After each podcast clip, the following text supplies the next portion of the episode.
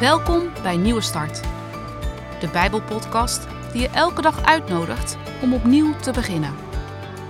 Soms kan het leven ingewikkeld zijn, maar je hoeft het niet alleen te doen. Vandaag heeft Martijn de Jong een boodschap voor je.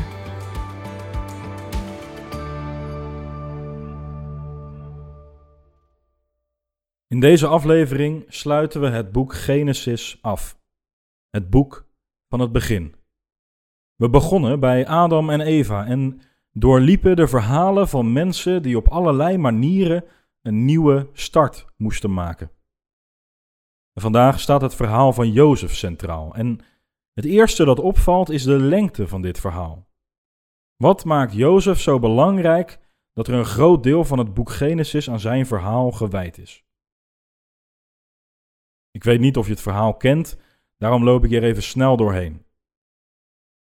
Abraham, Isaac en Jacob zijn drie belangrijke figuren in de geschiedenis van het Joodse volk. Misschien wel eens van gehoord. Nou, Jacob had twaalf zonen bij vier vrouwen, maar hij had één favoriete vrouw: Rachel. Dus is het niet zo gek dat de kinderen van Rachel ook favoriet zijn, waaronder dus Jozef. Maar Jozef hadden wij misschien wel een naar ventje gevonden.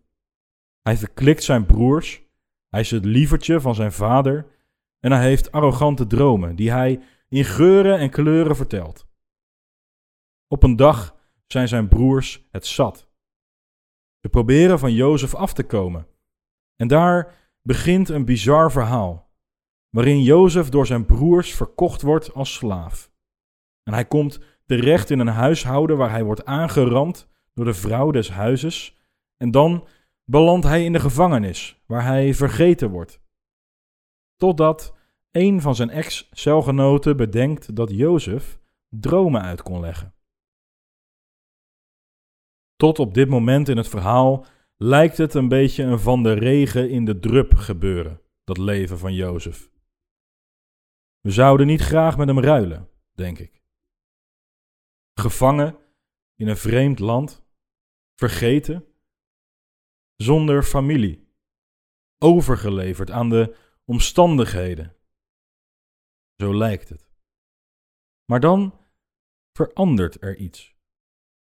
Jozef wordt bij de farao, de koning van Egypte, geroepen om een droom uit te leggen en weet het voor elkaar te krijgen om de leiding te krijgen over het project om hongersnood in Egypte te voorkomen. Hij wordt na de farao de belangrijkste man van Egypte.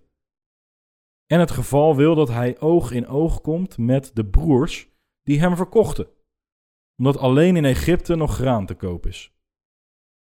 Maar de broers herkennen hem niet. Jozef maakt zich ook nog niet bekend, maar stelt eerst zijn broers op de proef. Tot het moment dat hij het niet meer houdt. Jozef begint hard te huilen, maakt zich bekend en vraagt of zijn vader nog leeft. En de broers die schrikken vreselijk. En dan zegt Jozef iets wonderlijks tegen zijn broers. Dat lees je in Genesis 45. Kom toch dichterbij, zei Jozef. Dat deden ze. Toen zei hij: Ik ben Jozef. Ik ben de broer die jullie verkocht hebben. Daarna ben ik naar Egypte gebracht.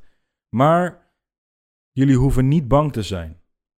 En jullie moeten ook niet boos op jezelf zijn omdat jullie mij verkocht hebben, want God heeft mij hierheen gestuurd. Hij heeft mij eerder dan jullie hierheen gestuurd om jullie leven te redden. Dat is wonderlijk. In dat lange verhaal van Jozef vol wonderlijke wendingen en ongedachte gebeurtenissen ziet Jozef de vinger van God. God heeft mij gestuurd zodat ik kon zorgen dat jullie blijven leven. Later herhaalt Jozef dat nog een keer, net voor het einde van het boek Genesis. Die woorden klinken als het ware nog na als we het boek sluiten. Bijzonder is dat, dat God mensen stuurt zodat andere mensen blijven leven zodat vertalen naar vandaag Zou het dan kunnen betekenen dat waar en wie en hoe je ook bent, dat de mogelijkheid bestaat? Dat je onderdeel bent van een verhaal dat leven brengt.